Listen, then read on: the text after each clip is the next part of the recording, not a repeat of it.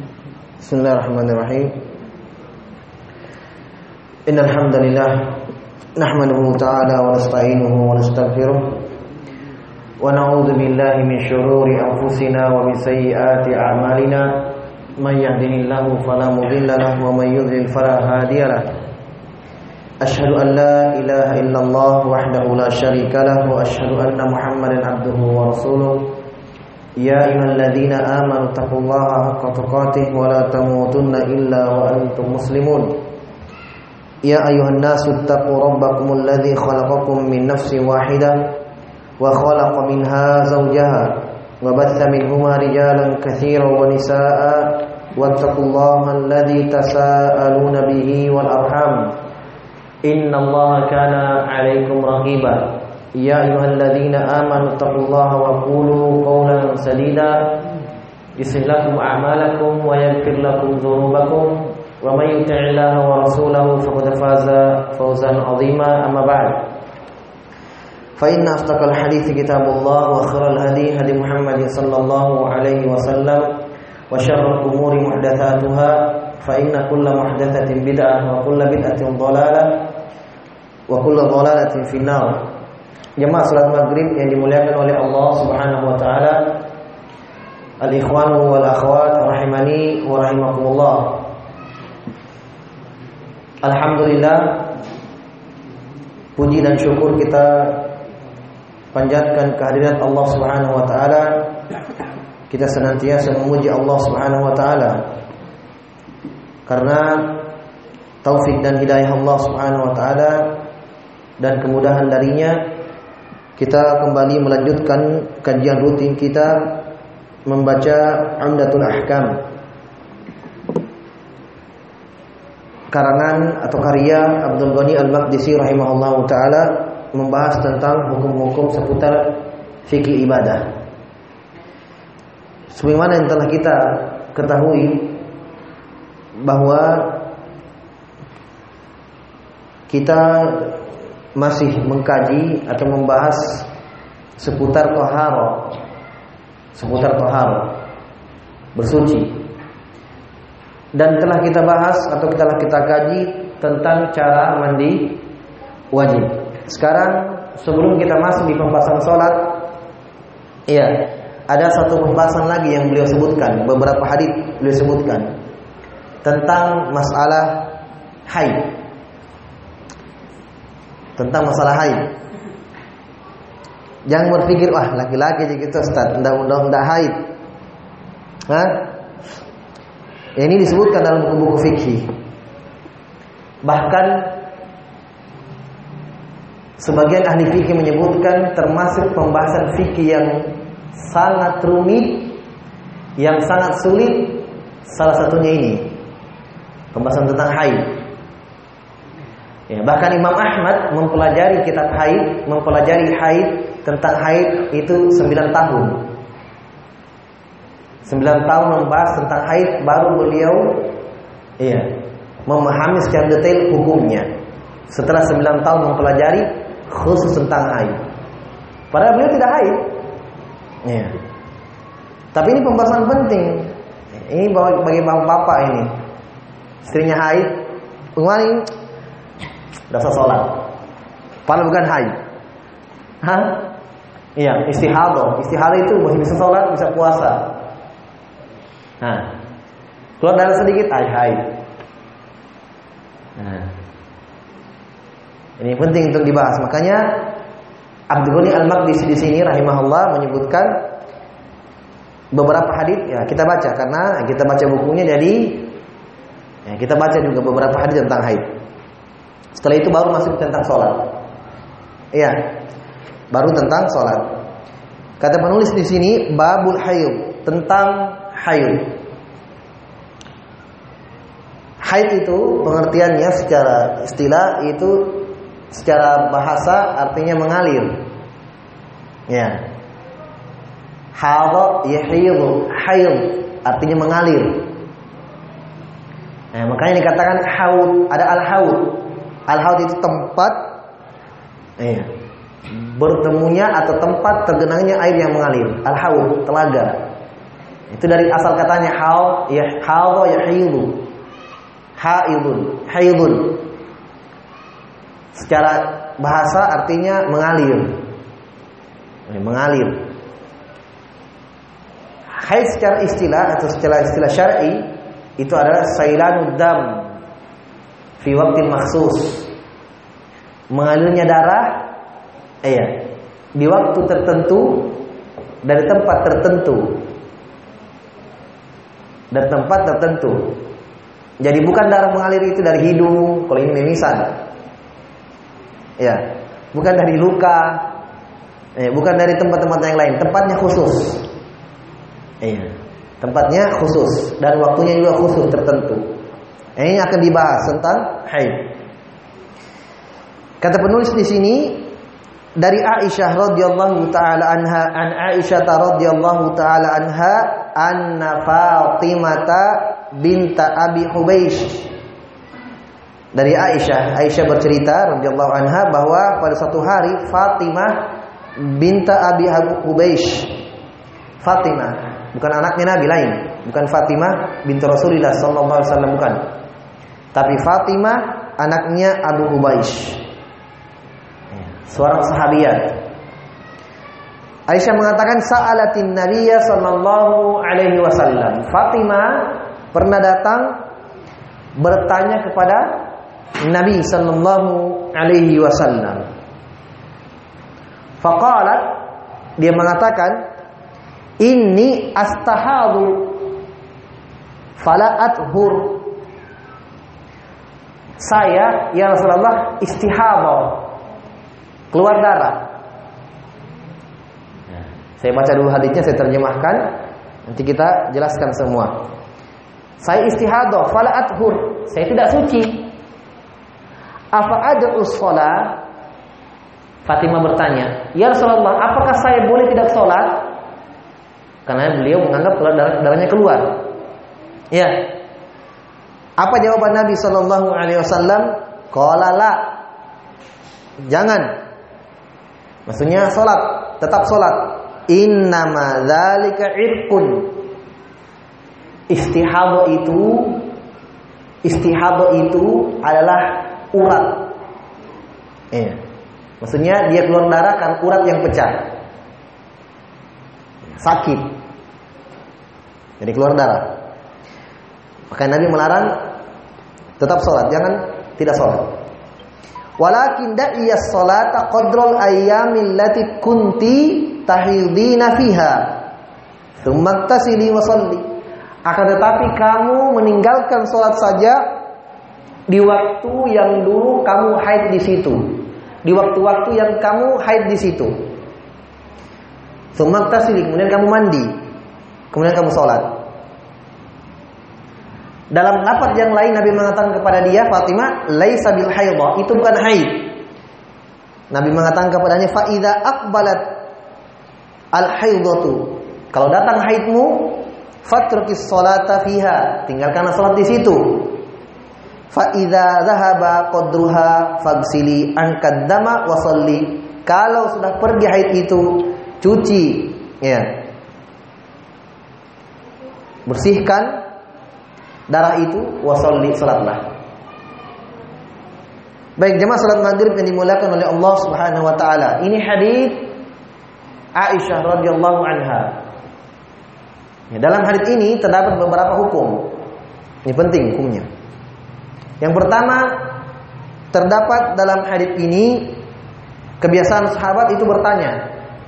Ya, bertanya kepada Rasul sallallahu alaihi wasallam terhadap perkara-perkara yang mereka tidak tahu.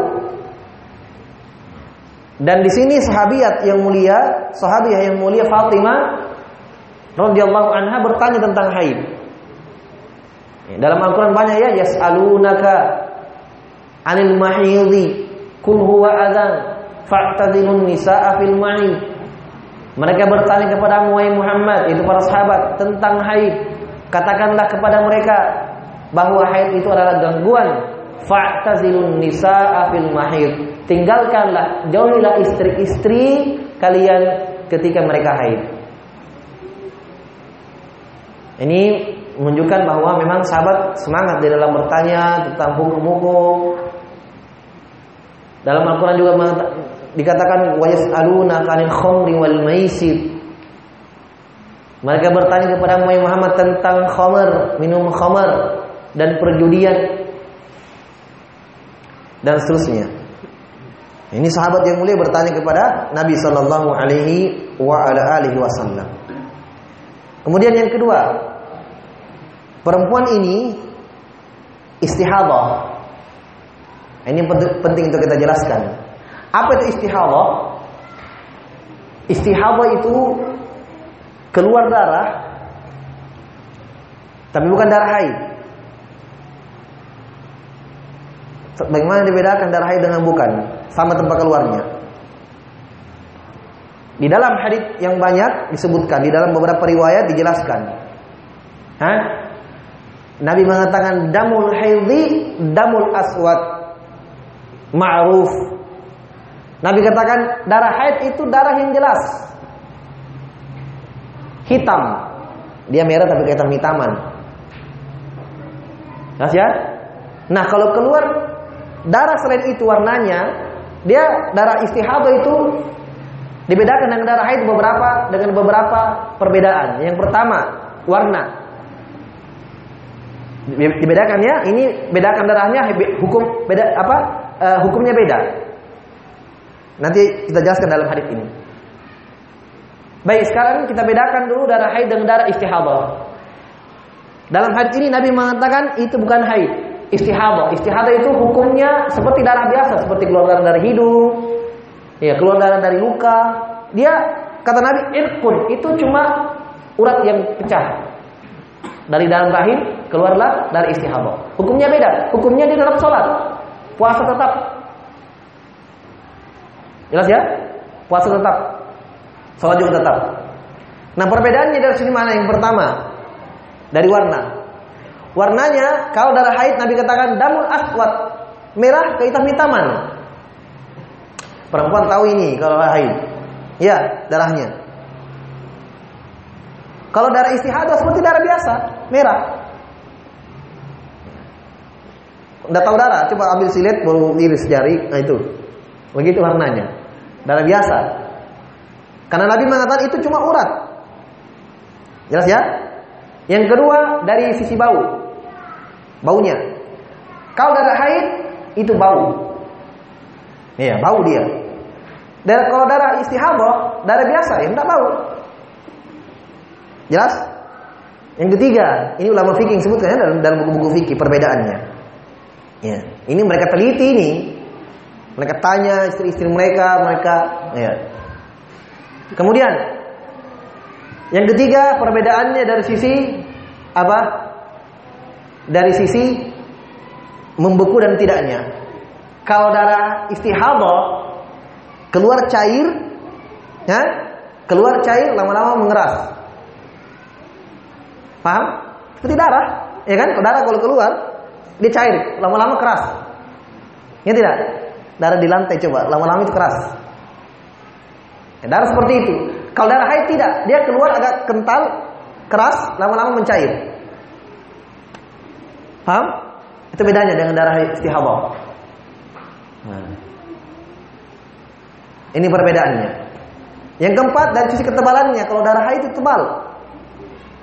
Ya, hitam, eh, merah, hitam, hitam dan tebal. Kalau darah biasa tipis, darah istihadah. Jelas ya? Nah, di sini perempuan eh, Fatimah mengatakan saya istihadah ya Rasulullah. Apakah saya tinggalkan salat saya? Maksudnya keluar darah istihadah. Jelas ya? Nabi mengatakan tidak, jangan. Tetap kamu sholat. Tapi tinggalkanlah sholatmu di hari-hari yang kamu haid di situ. Nah ini hukum penting. Maksudnya apa? Misalnya tujuh hari dia haid. Setiap bulannya haid tujuh hari. Dan setiap bulannya itu di awal bulan. Masuk bulan Ramadan, Syawal, ya. Setiap tanggal 1 haid. 7 hari, tanggal 7. Tanggal 8 suci lagi, berhenti lagi darah. Masuk bulan Syawal dan Ramadan masuk Syawal, tanggal 1 Syawal haid lagi, tanggal 1. Ya, tujuh hari. Tanggal 8 Syawal berhenti lagi. Masuk Dzulqa'dah. Tanggal 1 Dzulqa'dah haid lagi. Pokoknya setiap di awal bulan dan di awal-awal bulan haid tujuh hari. Tiba-tiba di, di bulan berikutnya di hari ke-8 keluar darah. Nabi katakan, kamu tinggalkan sholatmu di hari kebiasaanmu saja. Setelah itu, tidak. Itu istihadah. Faham? Faham ya? Ini maksud Nabi. Maksudnya kamu tinggalkan sholatmu di hari-hari haid di situ. Atau di bulan berikutnya keluar darah di tanggal 10. Iya. Bukan waktu haidnya kan? Waktu haidnya tanggal 1 sampai tanggal 7. Tiba-tiba di tanggal 10 keluar darah. Nabi mengatakan, tinggalkan sholat di hari-hari haidmu saja. Setelah itu, di waktu lain itu keluar darah, istihadah itu. Paham? Jadi Nabi kembalikan ke Fatimah ke kebiasaannya. Kebiasaannya tujuh hari, tujuh hari, tujuh hari. Lebih dari itu keluar darah, nggak usah lihat warnanya apa yang jelas. Iya, kebiasaannya seperti itu. Paham ya? Jadi Nabi perintahkan kembalikan kepada ke kebiasaannya. Ini yang kita bisa petik hukum dari hadis ini. Oleh karena itu kalau kita simpulkan pembahasan haid ini tidak rumit sebenarnya. Maksudnya cukup kita tahu saja tiga pembahasan inti dari tentang masalah haid. Bahwa perempuan itu dalam keadaan haid, ketika dia haid, tidak lepas dari tiga keadaan. Tiga keadaan. Yang pertama, ada perempuan yang dia punya kebiasaan. Paham ya? Punya kebiasaan teratur setiap bulan. Maka ini enak dia. Pokoknya dia tidak bingung, kembalikan ke kebiasaannya. Keluar darah di luar dari kebiasaannya bukan haid. Dia kembalikan ke kebiasaannya sebagaimana perintah dari Nabi. Yang kedua, keadaan kedua. Dia tidak punya kebiasaan. Tidak ada kebiasaannya. Di bulan pertama haid 8 hari. Masuk bulan berikutnya cuma 4 hari. Masuk bulan berikutnya 7 hari. Masuk bulan berikutnya 10 hari. Tidak teratur di haidnya. Tapi tiap bulan haid, tapi harinya tidak jelas. Pokoknya keluar terus darah kadang berhenti. Yang bulan berikutnya kadang cuma 3 hari berhenti. Paham? Ini tidak punya kebiasaan. Tetapi dia bisa membedakan darahnya. Paham? Bisa dibedakan? Yang kedua ini dia tidak punya kebiasaan tapi dia punya ilmu tentang membedakan darahnya. Maka ini jawabannya, kesimpulannya dia kembalikan ke ilmu tentang membedakan darah namanya tamyiz. Jadi kalau misalnya dia haid tujuh hari di bulan ini. Kemudian tiba-tiba besok darah keluar lagi. Dia lihat darahnya, oh tidak sama yang kemarin. Yang kemarin ini darah haid, yakin dia hitam, ciri-cirinya bau dan seterusnya. Ini lain, sudah. Itu bukan haid. Namanya apa? Is istihadah. Dia tidak punya kebiasaan tapi dia tahu membedakan darahnya. Ah ini kembali ke ilmu itu tentang itu. Karena Nabi mengatakan dalam hadis, darah haid itu kenali darah, darah haid, damul aswad. Darahnya hitam. Berarti Nabi kadang perintahkan wanita untuk mengilmui itu darahnya. Itu penting. Ya kan? Nah. Ketiga, nah ini rumit di sini. Bagaimana kalau bertabrakan antara ha, antara kebiasaannya dan ilmu tentang pengenalan terhadap darahnya. Ini keadaan ketiga. Ini yang di sini letak silang pendapat ulama fikih di sini letak rumitnya ini tentang masalah haid. Misalnya, ke, dia kebiasaannya ada, tetapi bertabrakan dengan ilmu tentang darahnya. Misalnya, di bulan pertama haid tujuh hari, di bulan kedua tujuh hari lagi, di bulan ketiga tujuh hari. Di bulan berikutnya, di hari ke-8 keluar darah. Tapi darahnya sama kemarin, hitam juga. Nah, bagaimana dia, dia apakah dianggap istihadah tapi dalam keadaan ini dia lihat darahnya haid, bau sama haid darah yang kemarin. Nah ini sudah hari ke-8, hari ke-9 keluar lagi. Jelas? Sebagian nama fikih mengatakan tidak, itu bukan haid. Kenapa? Berdasarkan dengan hadis ini, Nabi perintahkan Fatimah binti Abi Hubaysh apa? Untuk kembalikan ke kebi kebiasaannya. Berarti hari ke-8, 9, 10 salat saja, bukan haid itu. Paham?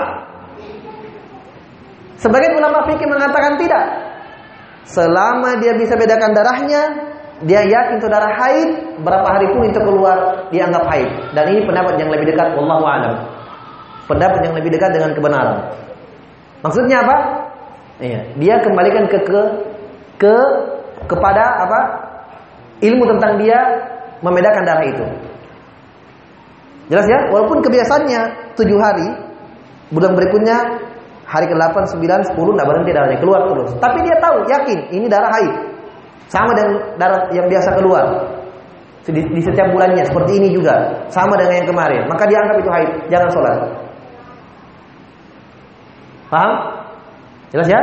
Nah, kalau dia hilang ilmu tentang tamiznya, hilang ilmu tentang tamiznya dalam keadaan misalnya keluar darah di hari di luar kebiasaannya dan darahnya dia tidak bisa bedakan ini darah haid atau bukan ini dia telit, dia lihat warnanya bingung dia sudah ulama mengatakan di situlah baru dikembalikan ke hadis kebiasaannya karena hilang ilmu tentang tamiznya maka berlakulah hadis ini kata Nabi SAW tinggalkanlah sholat di hari-hari yang kamu biasa di situ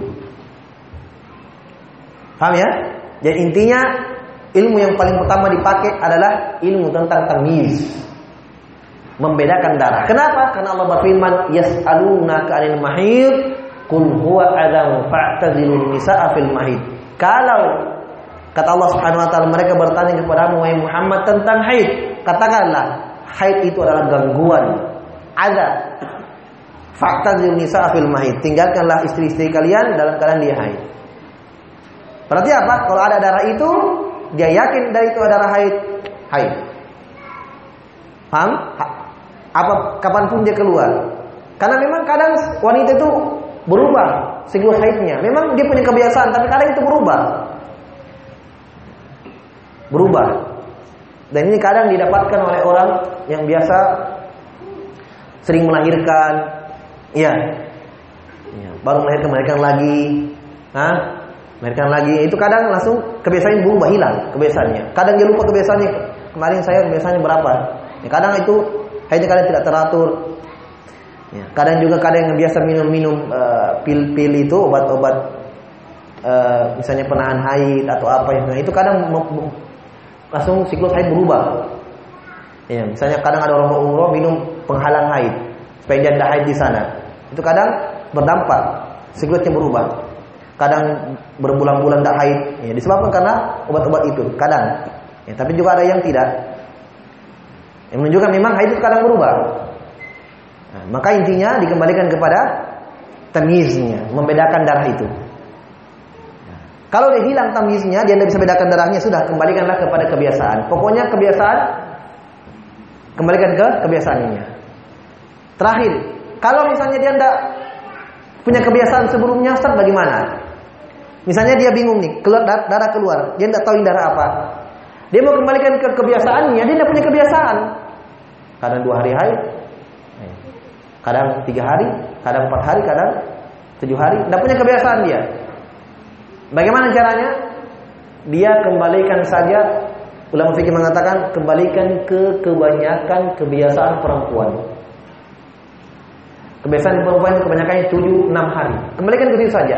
Lebih dari itu di hari ke-10, 11, 12, iya. Sebab memang kadang, kadang ada darah keluar itu tidak berhenti berhenti. Kadang satu sudah sepekan lebih masih keluar terus darahnya. Maka ini ulama fikih menjelaskan menyebutkan bahwa dia kembalikan saja ke hari ke kebiasaan kebanyakan perempuan. Lihat perempuan kebanyakan berapa hari? Itu kebanyakan tujuh hari, enam hari. Ya, rutin seperti itu. Kembalikan saja di situ. Lebih dari itu di hari 8, 9, 10 masih keluar darah, anggap itu bukan haid. Jelas ya? Ini kesimpulannya. Baik. Ya, dan di dalam ini juga terdapat dalil bahwa darah haid adalah darah najis. Darah yang najis. Iya, sebab Nabi mengatakan kalau datang haidmu, iya, kamu tinggalkan sholat, jangan sholat di situ. Kalau sudah pergi haid itu, fagsili, bersihkan mandi. Iya. Bersihkan darah itu, menunjukkan ini membatalkan wudhu. Iya. Kemudian darah itu darah yang najis, sebab disuruh cuci. Kemudian di dalam ini juga terdapat hukum bahwa wanita yang haid kalau dia sudah suci dari haidnya diwajibkan mandi junub. Iya, diwajibkan mandi junub. Nabi mengatakan fagsili mandi. Ya, ya. Ini hadat besar. Ya, hadat besar. Adapun hukum-hukum tentang wanita haid ini ya sudah sering disebutkan dalam buku-buku fikih tentang hukum-hukumnya, apa-apa yang wajib bagi mereka, apa-apa yang uh, apa-apa yang tidak boleh bagi mereka, apa yang mereka lakukan dan seterusnya. Ini disebutkan dalam buku-buku fikih. Kesimpulannya kalau haid itu sepakat, tidak boleh sholat, tidak boleh puasa. Iya. Kalau puasa itu diperintahkan mereka untuk membah, membayar puasa. Nanti akan ada hadisnya. Ya, kalau puasa, kalau sholat tidak dibayar. Ya, tidak disuruh ganti sholat yang kemarin dia tinggalkan tidak, kecuali puasa. Kalau puasa iya. Ini menunjukkan apa? Menunjukkan agama Islam itu agama yang mudah. Kalau suruh bayar sholat, kalau dia haid 7, 7 hari berarti 5, dia pengerti 35. Dia harus bayar semua. Dan berat baginya. Dan kalau puasa dihitung sehari saja, maka dia bayar. Berarti kalau haid 7 hari, 7 hari dia bayar puasa. Tentang wanita haid membaca Quran, bagaimana tentang wanita haid? Bolehkah membaca Quran? Ini ada sembilan pendapat di kalangan ulama. Kebanyakan ulama mengatakan tidak boleh. Jelas ya, tidak boleh baca Quran. Bahkan mereka mengatakan kalau dia baca dengan hafalannya itu makruh.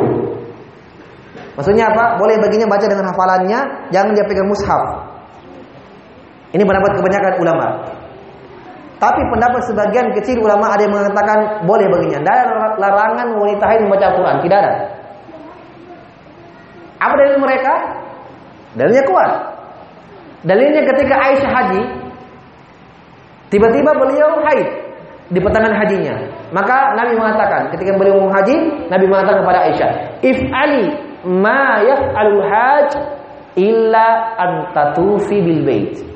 Nabi katakan, lanjutkan saja hajimu, ya, amalkanlah, lakukanlah semua amalan-amalannya ibadat orang-orang haji, jamaah haji, melempar jumrah, lempar juga, ya, sa'i juga, sa'i juga, ya, bermalam di semua amalan-amalan ibadah haji kecuali satu.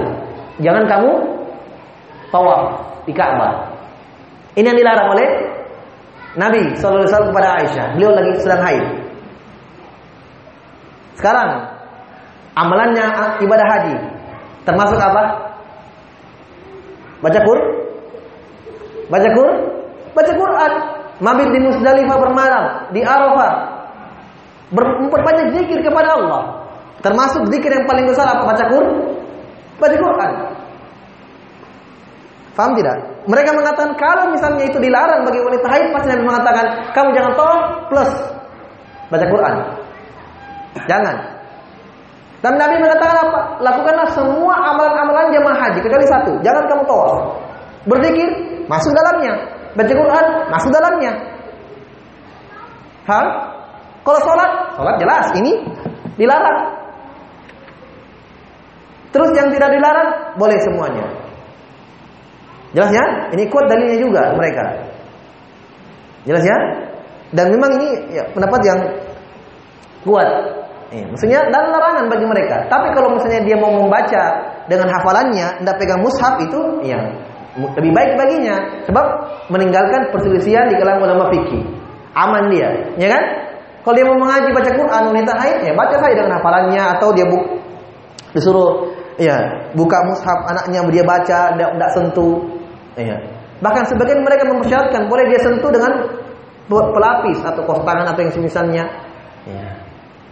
Tapi pendapat yang kuat Allah alam itu tidak dilarang. Boleh baginya. Tidak ada masalah. Pegang mushaf. Jelas ya? Tapi kalau dia mau tinggalkan karena mungkin takut atau ragu ya itu mungkin yang terbaik baginya. Untuk keluar dari perselisihan. Tapi kalau asalnya Allah alam ini tidak ada larangannya yang jelas. Adapun yang mereka pakai ini pendapat kebanyakan ulama dalam Al-Qur'an ketahui dalilnya. Kata Allah Subhanahu wa taala, "Wa la yamassuhu illal mutahharun." Tidak disentuh Katanya Al-Quran itu kecuali orang-orang yang suci saja. Dalam Al-Quran, la yamassuhu ilal mutahharun. Tidak disentuh kecuali orang-orang yang suci. Itu bukan pada pendalilannya, bukan pada tempatnya. Karena ayat itu kalau dilihat konteksnya yang disebutkan itu adalah laul mahfuz. Al-Quran yang ada di laul mahfuz. Hah? Di laul mahfuz. Kata Allah, laul mahfuz itu la yamas yamassuhu illal mutahharun, kecuali mereka-mereka yang suci. Siapa yang suci? Malaikat. Malaikat. Itu ayatnya, konteksnya. Karena ayat itu kalau kita mau lihat makna ayat itu baca sebelumnya, baca setelahnya, jangan ambil ayat sepotong. Supaya terpahami seluruh maknanya. Nah, sebelumnya itu disebutkan bahwa itu laul mahfuz yang di atas. Kata Allah itu tidak disentuh kecuali mereka-mereka yang disucikan itu para malaikat, bukan Al-Qur'an. Ya, ya, bukan Al-Qur'an. Baik. Demikian pula dalil yang mereka pakai membolehkan pernah Nabi membaca Quran di pangkuan Aisyah. Aisyah sedang haid. Nabi baca Quran. Di pangkuan Aisyah, Aisyah sedang haid. Eh. Ya, ya. Nah, maka tidak ada larangan yang membaca Al-Quran bagi wanita haid. Ya. Masuk masjid. Yang jadi disebutkan masuk masjid. Nah. Ulama fikih menyebutkan tidak boleh wanita yang masuk masjid. Ini pendapat kebanyakan ulama, jangan masuk masjid. Jelas ya? Nah. Sebagian ulama mengatakan boleh masuk masjid. Ada larangan, dari melarang wanita haid masuk masjid. Kecuali misalnya kalau darahnya itu netes, iya karena itu najis. Kan dia jangan masuk sampai membersihkan. Tapi kalau wanita haid itu sendiri masuk masjid, sebagian ulama fikih mengatakan tidak ada dalilnya yang melarang.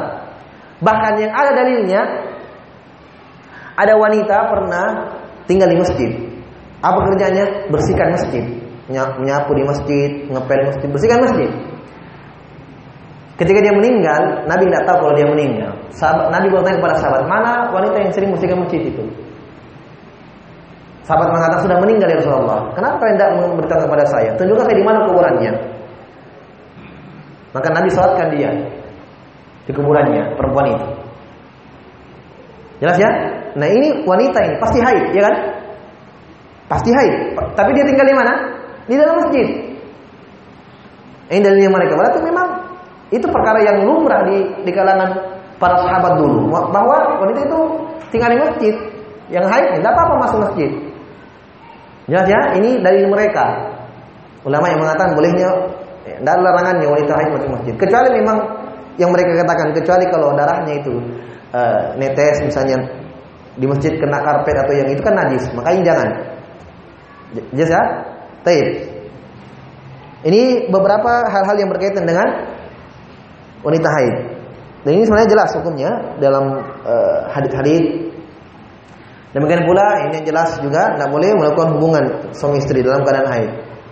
Tidak boleh. Nanti ini ada ada hadis yang berkaitan dengan itu. Hadis setelahnya kata beliau radhiyallahu rahimahullahu taala dari Aisyah radhiyallahu anha, "Annahum habibata ustuhidat sab'a sinin." Fasa'alat Rasulullah sallallahu alaihi wasallam an dzalik fa amaraha an taktasila fa kanat tagtasilu likulli shalah. Iya. Kata Aisyah radhiyallahu anha dari Ummu Habibah bahwa beliau haid di tujuh tahun umurnya. Cepat ya, tujuh tahun. Masya Allah, kita tujuh tahun masih SD. Tapi ini mereka sudah haid orang Arab. Dan memang orang Arab itu nikahnya cepat. Nikahnya cepat. Cuma memang cepat dewasa mereka. Imam Syafi'i di zamannya Imam Syafi'i dia dapatkan seorang wanita 21 tahun umurnya sudah bercucu. 21 tahun. Kenapa? Diceritakan. Dia nikah 9 tahun. Hah? 9 tahun. Kemudian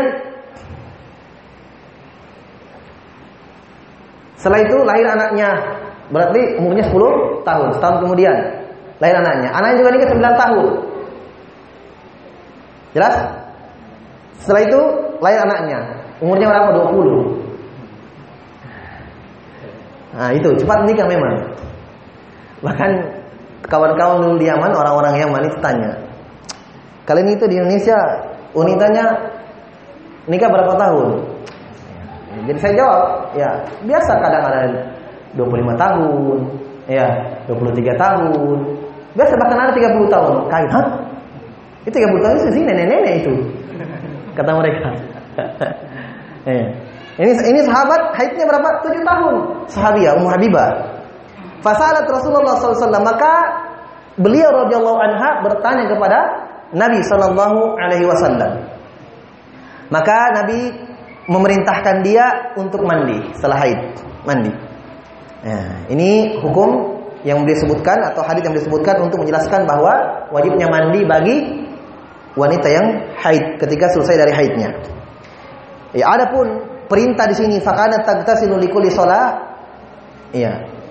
Mandi apa? Mandi hendak hendak kali sholat ketika sholat maka ini setiap kali sholat ini uh, hadisnya yang tidak kuat hadisnya tidak kuat setiap mau sholat mandi ya.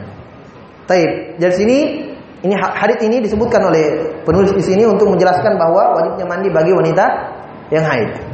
Kemudian dari Aisyah juga beliau mengatakan kuntu attasilu ana wa Rasulullah sallallahu alaihi wasallam min ina'in wahidin kilana junubun. Kata Aisyah radhiyallahu anha hadis yang setelahnya dulu saya bersama Nabi sallallahu alaihi wasallam saya dan Nabi sallallahu alaihi wasallam itu mandi di tempat yang sama. Maksudnya apa? Di ember yang sama atau tempat air baskom yang sama. Dan kami berdua dalam keadaan junub. Perhatikan ya, bagaimana kehidupan keluarga dari Nabi Shallallahu Alaihi Wasallam. Aisyah mengatakan kami mandi bersama, saya dan Nabi mandi bersama dan kami junub. Fi ina'in wahid. Ya. Dalam tempat yang sama. Maksudnya sama-sama menciduk di situ. Ya. Dalam tempat yang sama. Maka dalam hati ini ya, banyak hukum yang bisa dipetik. Ya, banyak hukum yang bisa dipetik. Di antaranya bahwa menunjukkan bahwa muasyaratu muasyaratu zaujiyah. Ya. Bagaimana kehidupan kekeluargaan, kehidupan dalam keluarga Nabi wasallam bahwa beliau ini sangat ya, menyayangi istrinya, sangat ya, beliau betul-betul memperlakukan istri-istri beliau ya, sebagaimana dalam Al-Qur'an. Sebagaimana dalam Al-Qur'an, wa ashiruhunna bil ma'ruf. Pergaulilah mereka, perlakukanlah mereka dengan baik. Ya, bil ma'ruf. Dan ini menunjukkan bolehnya ya suami dan istri mandi bersama. Iya, sebab Aisyah dan Nabi mandi bersama. Menunjukkan juga batasan aurat di antara mereka tidak ada batasannya. Yes ya. Uh, aurat antara laki-laki dan perempuan itu suami istri ya tidak memiliki batasan-batasan apa-apa. Semuanya boleh. Ya, tanpa ada batasannya. Ini untuk suami dan istri khusus. Adapun untuk anak-anak ya pada ibunya ini ada batasannya. Jelas ya, ada batasannya. Makanya dalam dalam hadis dikatakan mum auladakum bis shalah wa hum abna sab'i sinin. Perintahkan anak untuk salat mereka berumur 7 tahun. Dan wadribuhum pukullah mereka kalau tidak mau salat berumur 10 tahun. Iya. Kemudian kata Nabi SAW dan pisahkan tempat-tempat tidur mereka. Ya, ya, Nabi perintahkan pisahkan tempat tidur antara anak ya, dan orang tuanya. Kalau sudah berumur, ya, walaupun belum balik, tapi sudah berumur seperti itu, sudah tahu apa yang dilihat, sudah bisa membedakan, maka dipisahkan tempat tidurnya. Dipisahkan tempat tidurnya. Ini menunjukkan bahwa ada batasan aurat. Ya. Ada batasan aurat yang mereka tidak bisa melihat. Jelas ya? Demikian pula suami istri itu boleh saling boleh memandikan jenazah. Dalam artian misalnya istri meninggal, suami boleh memandikan jenazahnya. Boleh memandikan jenazahnya, istrinya. Ya, sebab itu dalam batasan aurat untuk mereka. Baik. Nah, Aisyah mengatakan wa kana ya'muruni fa'ataz fa'attaziru fayubashiruni wa ana haid. Kata Aisyah, saya pernah haid, Nabi perintahkan saya memakai sarung fayubashiruni wa ana haid dan Nabi memeluk mencium saya iya dalam keadaan saya haid. Dalam keadaan saya haid. Masya Allah ini dari Aisyah radhiyallahu anha. Nabi perintahkan saya menutup tempat haid itu ya, pakai sarung, kemudian beliau memeluk saya dan mencium saya. Yubashiruni. Ya, yubashir itu memeluk, mencium dan seterusnya. Ini sengaja dibawakan ucapan Aisyah yang hadisnya sahih untuk menjelaskan bahwa yang tidak diperbolehkan antara suami dan istri ketika haid istrinya itu adalah berhubungan. Adapun yang lainnya boleh. Ya, yang lainnya boleh. Dalam Al-Quran kata Allah, "Fa'tazilun nisa fil mahid." Jauh jauhilah istri-istri kalian kalau dalam keadaan haid. Bukan berarti kalau istrinya haid, suami pergi dari rumah. Wah, haid, pergi dari rumah. Hah? Pergi dulu kos satu minggu. Tidak ya? Yang lain boleh. Eh ya, kecuali berhubungan. Yang lain boleh. Jelas ya? Maksudnya fakta dulu jauhi maksudnya jangan menyentuh, jangan berhubungan dengan istri kalian kalau mereka dalam keadaan haid. Adapun yang lainnya bisa. Nah, ini dalilnya Aisyah radhiyallahu taala anha. Kata beliau Nabi merintahkan saya untuk memakai sarung, kemudian beliau melakukan hal tersebut. Iya. Kemudian kata Aisyah wa kana yukhriju ra'sahu ila ilayya wa huwa mu'takifun fagsilhu ana haid. Nabi pernah itikaf. Ingat ya, kamarnya Aisyah dengan masjid Nabi itu dekat. Ya kan? Dekat sekali. Aisyah mengatakan pernah Nabi itikaf di masjid. Tahu itikaf ya? Tinggal 10 terakhir Ramadan, 10 terakhir bulan Ramadan tinggal di dalam masjid, tidak keluar kecuali dengan keperluan yang mendesak. Tinggal di masjid beribadah. Nah, ini Nabi pernah mengeluarkan kepalanya dari masjid. Apa kata Aisyah? Ya Wahwa mu'takif dan beliau mau itikaf. Fa'agsiluhu dan saya memandikan Nabi. Cuci kepalanya, mandi. Tapi cuma kepalanya yang keluar, silam kepalanya dimandikan oleh Aisyah. Kata Aisyah, "Wa ana haid." Dan pada waktu itu saya dalam keadaan haid. Dalam keadaan haid. Baik. Kemudian Aisyah mengatakan lagi dalam yang lain tentang Aisyah dari Aisyah qalat kana Rasulullah sallallahu alaihi wasallam yattaki'u fi hijri wa ana haid fayaqra'ul Qur'an. Nah, kata Aisyah, pernah Nabi sallallahu alaihi wasallam bersandar di pangkuan saya. Iya. Dan saya sedang haid dan beliau membaca Al-Qur'an. Dan beliau membaca Al-Qur'an. Ya, sengaja beliau sebutkan ini untuk menjelaskan tentang hukum membaca Quran bagaimana. Sudah kita sebutkan tadi ya rinciannya hukumnya tentang wanita membaca Al-Quran. Taib. Hadis yang lain dari Muad ini yang terakhir baru selesai. Dari Muadah binti Abdullah qalat sa'altu Aisyah radhiyallahu anha faqultu ma balu haid taqdi shawm wala taqdi shalah faqalat aharuriyatin aharuriyatin anti aharuriyatun anti faqultu lastu biharuriyya walakin as'al faqalat kana yusibu yusibuna Dzalika hadis Nabi sallallahu alaihi wasallam fa nu'maru bi qada'i shaum wa la nu'maru bi qada'i shalah. Hadis terakhir dari Muadzah radhiyallahu anha. Muadzah pernah bertanya kepada Aisyah, "Wahai Aisyah, kenapa kami perempuan ya yang haid diperintahkan untuk membayar puasa tetapi tidak diperintahkan untuk membayar sholat. Kenapa? Nah, ada yang tahu kenapa? Hah? Karena sudah itu ketentuannya. Diperintahkan membayar puasa bagi wanita haid tapi tidak diperintahkan untuk membayar sholat. Apa jawaban Aisyah? Apakah kamu wanita yang berpemahaman khawarij? Hah? Kenapa kamu tanya seperti itu? Eh, maka Aisyah menjawab pertanyaannya tadi, kenapa dia seperti itu? Beliau mengatakan, kami dulu di zaman Nabi itu diperintahkan untuk membayar puasa saja dan kami tidak diperintahkan untuk membayar sholat. Maksudnya itu sudah ketentuan syariat Allah Subhanahu Wa Taala jalani saja. Adapun hikmahnya Nabi tidak sebutkan apa hikmahnya. Kenapa? Iya perempuan haid itu diperintahkan untuk membayar puasa, tapi tidak diperintahkan untuk membayar sholat. Apa hikmahnya? Tidak disebutkan. Ya. Tapi kalau kita mau menyebutkan mungkin, ya Allah alam mungkin karena ulama menyebutkan itu karena berat untuk kalian, ya kan?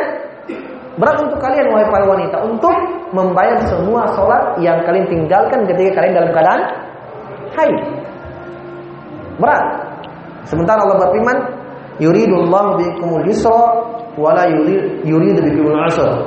Allah menginginkan memudahkan kalian dan tidak menginginkan membuat kalian sulit.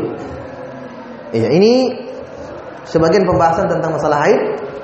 Allah alam. Nanti setelahnya kita masuk mulai membahas tentang sholat. Ya kan? Sudah wudhu. Kita sudah tayamum juga. Ya, sudah juga haid. Hah? Sekarang sholat. Nanti ya, itulah sholat. Saya kerja sebagai kurir. Setiap hari saya memegang uang seseorang yang saya transfer setiap pekan. Apakah boleh saya menggunakannya? Di akhir pekan selalu terpenuhi kalau saya menggunakannya. Saya kerja sebagai kurir, tetapi saya memegang uang seorang yang saya transfer setiap pekan. Apakah boleh saya menggunakannya? Di akhir pekan selalu terpenuhi kalau saya menggunakannya. Kalau tidak terpenuhi bagaimana? Temboki. Boleh kalau dengan seizinnya boleh. Kalau tidak izin, kalau tidak izin jangan. Kalau diizinkan iya, saya pakai dulu iya, tidak apa-apa diizinkan. Kalau tidak izin jangan. La yahillu la yahillu mal muslimin illa bitibatin min nafsihi. Tidak halal hatta seorang muslim kecuali dari izin dari pemilik harta itu. Itu hadisnya dari, dari Nabi sallallahu alaihi.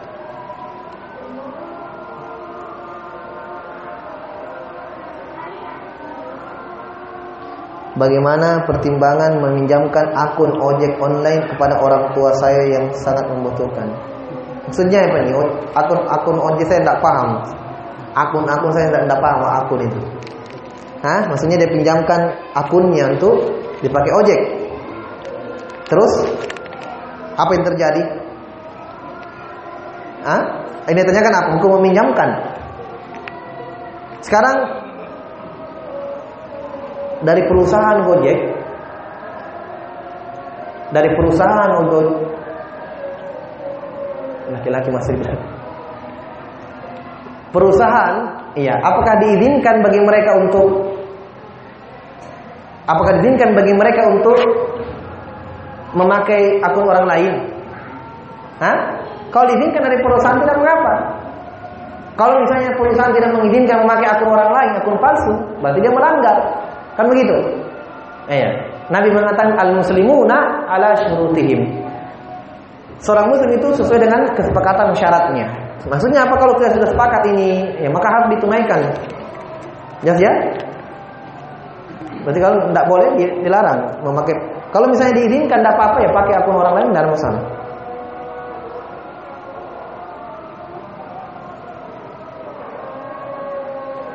Maka saya termasuk pelaku riba jika saya meminjamkan kartu kredit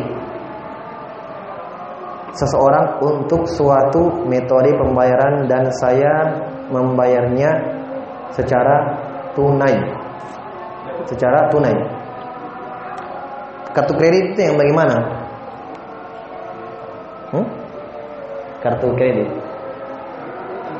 Kartu utang. Apa bedanya dengan kartu ATM sama. Lain ya? Bagaimana bentuknya itu kalau kartu kredit tidak paham kalau kartu kredit. Kartu utang yang berbunga.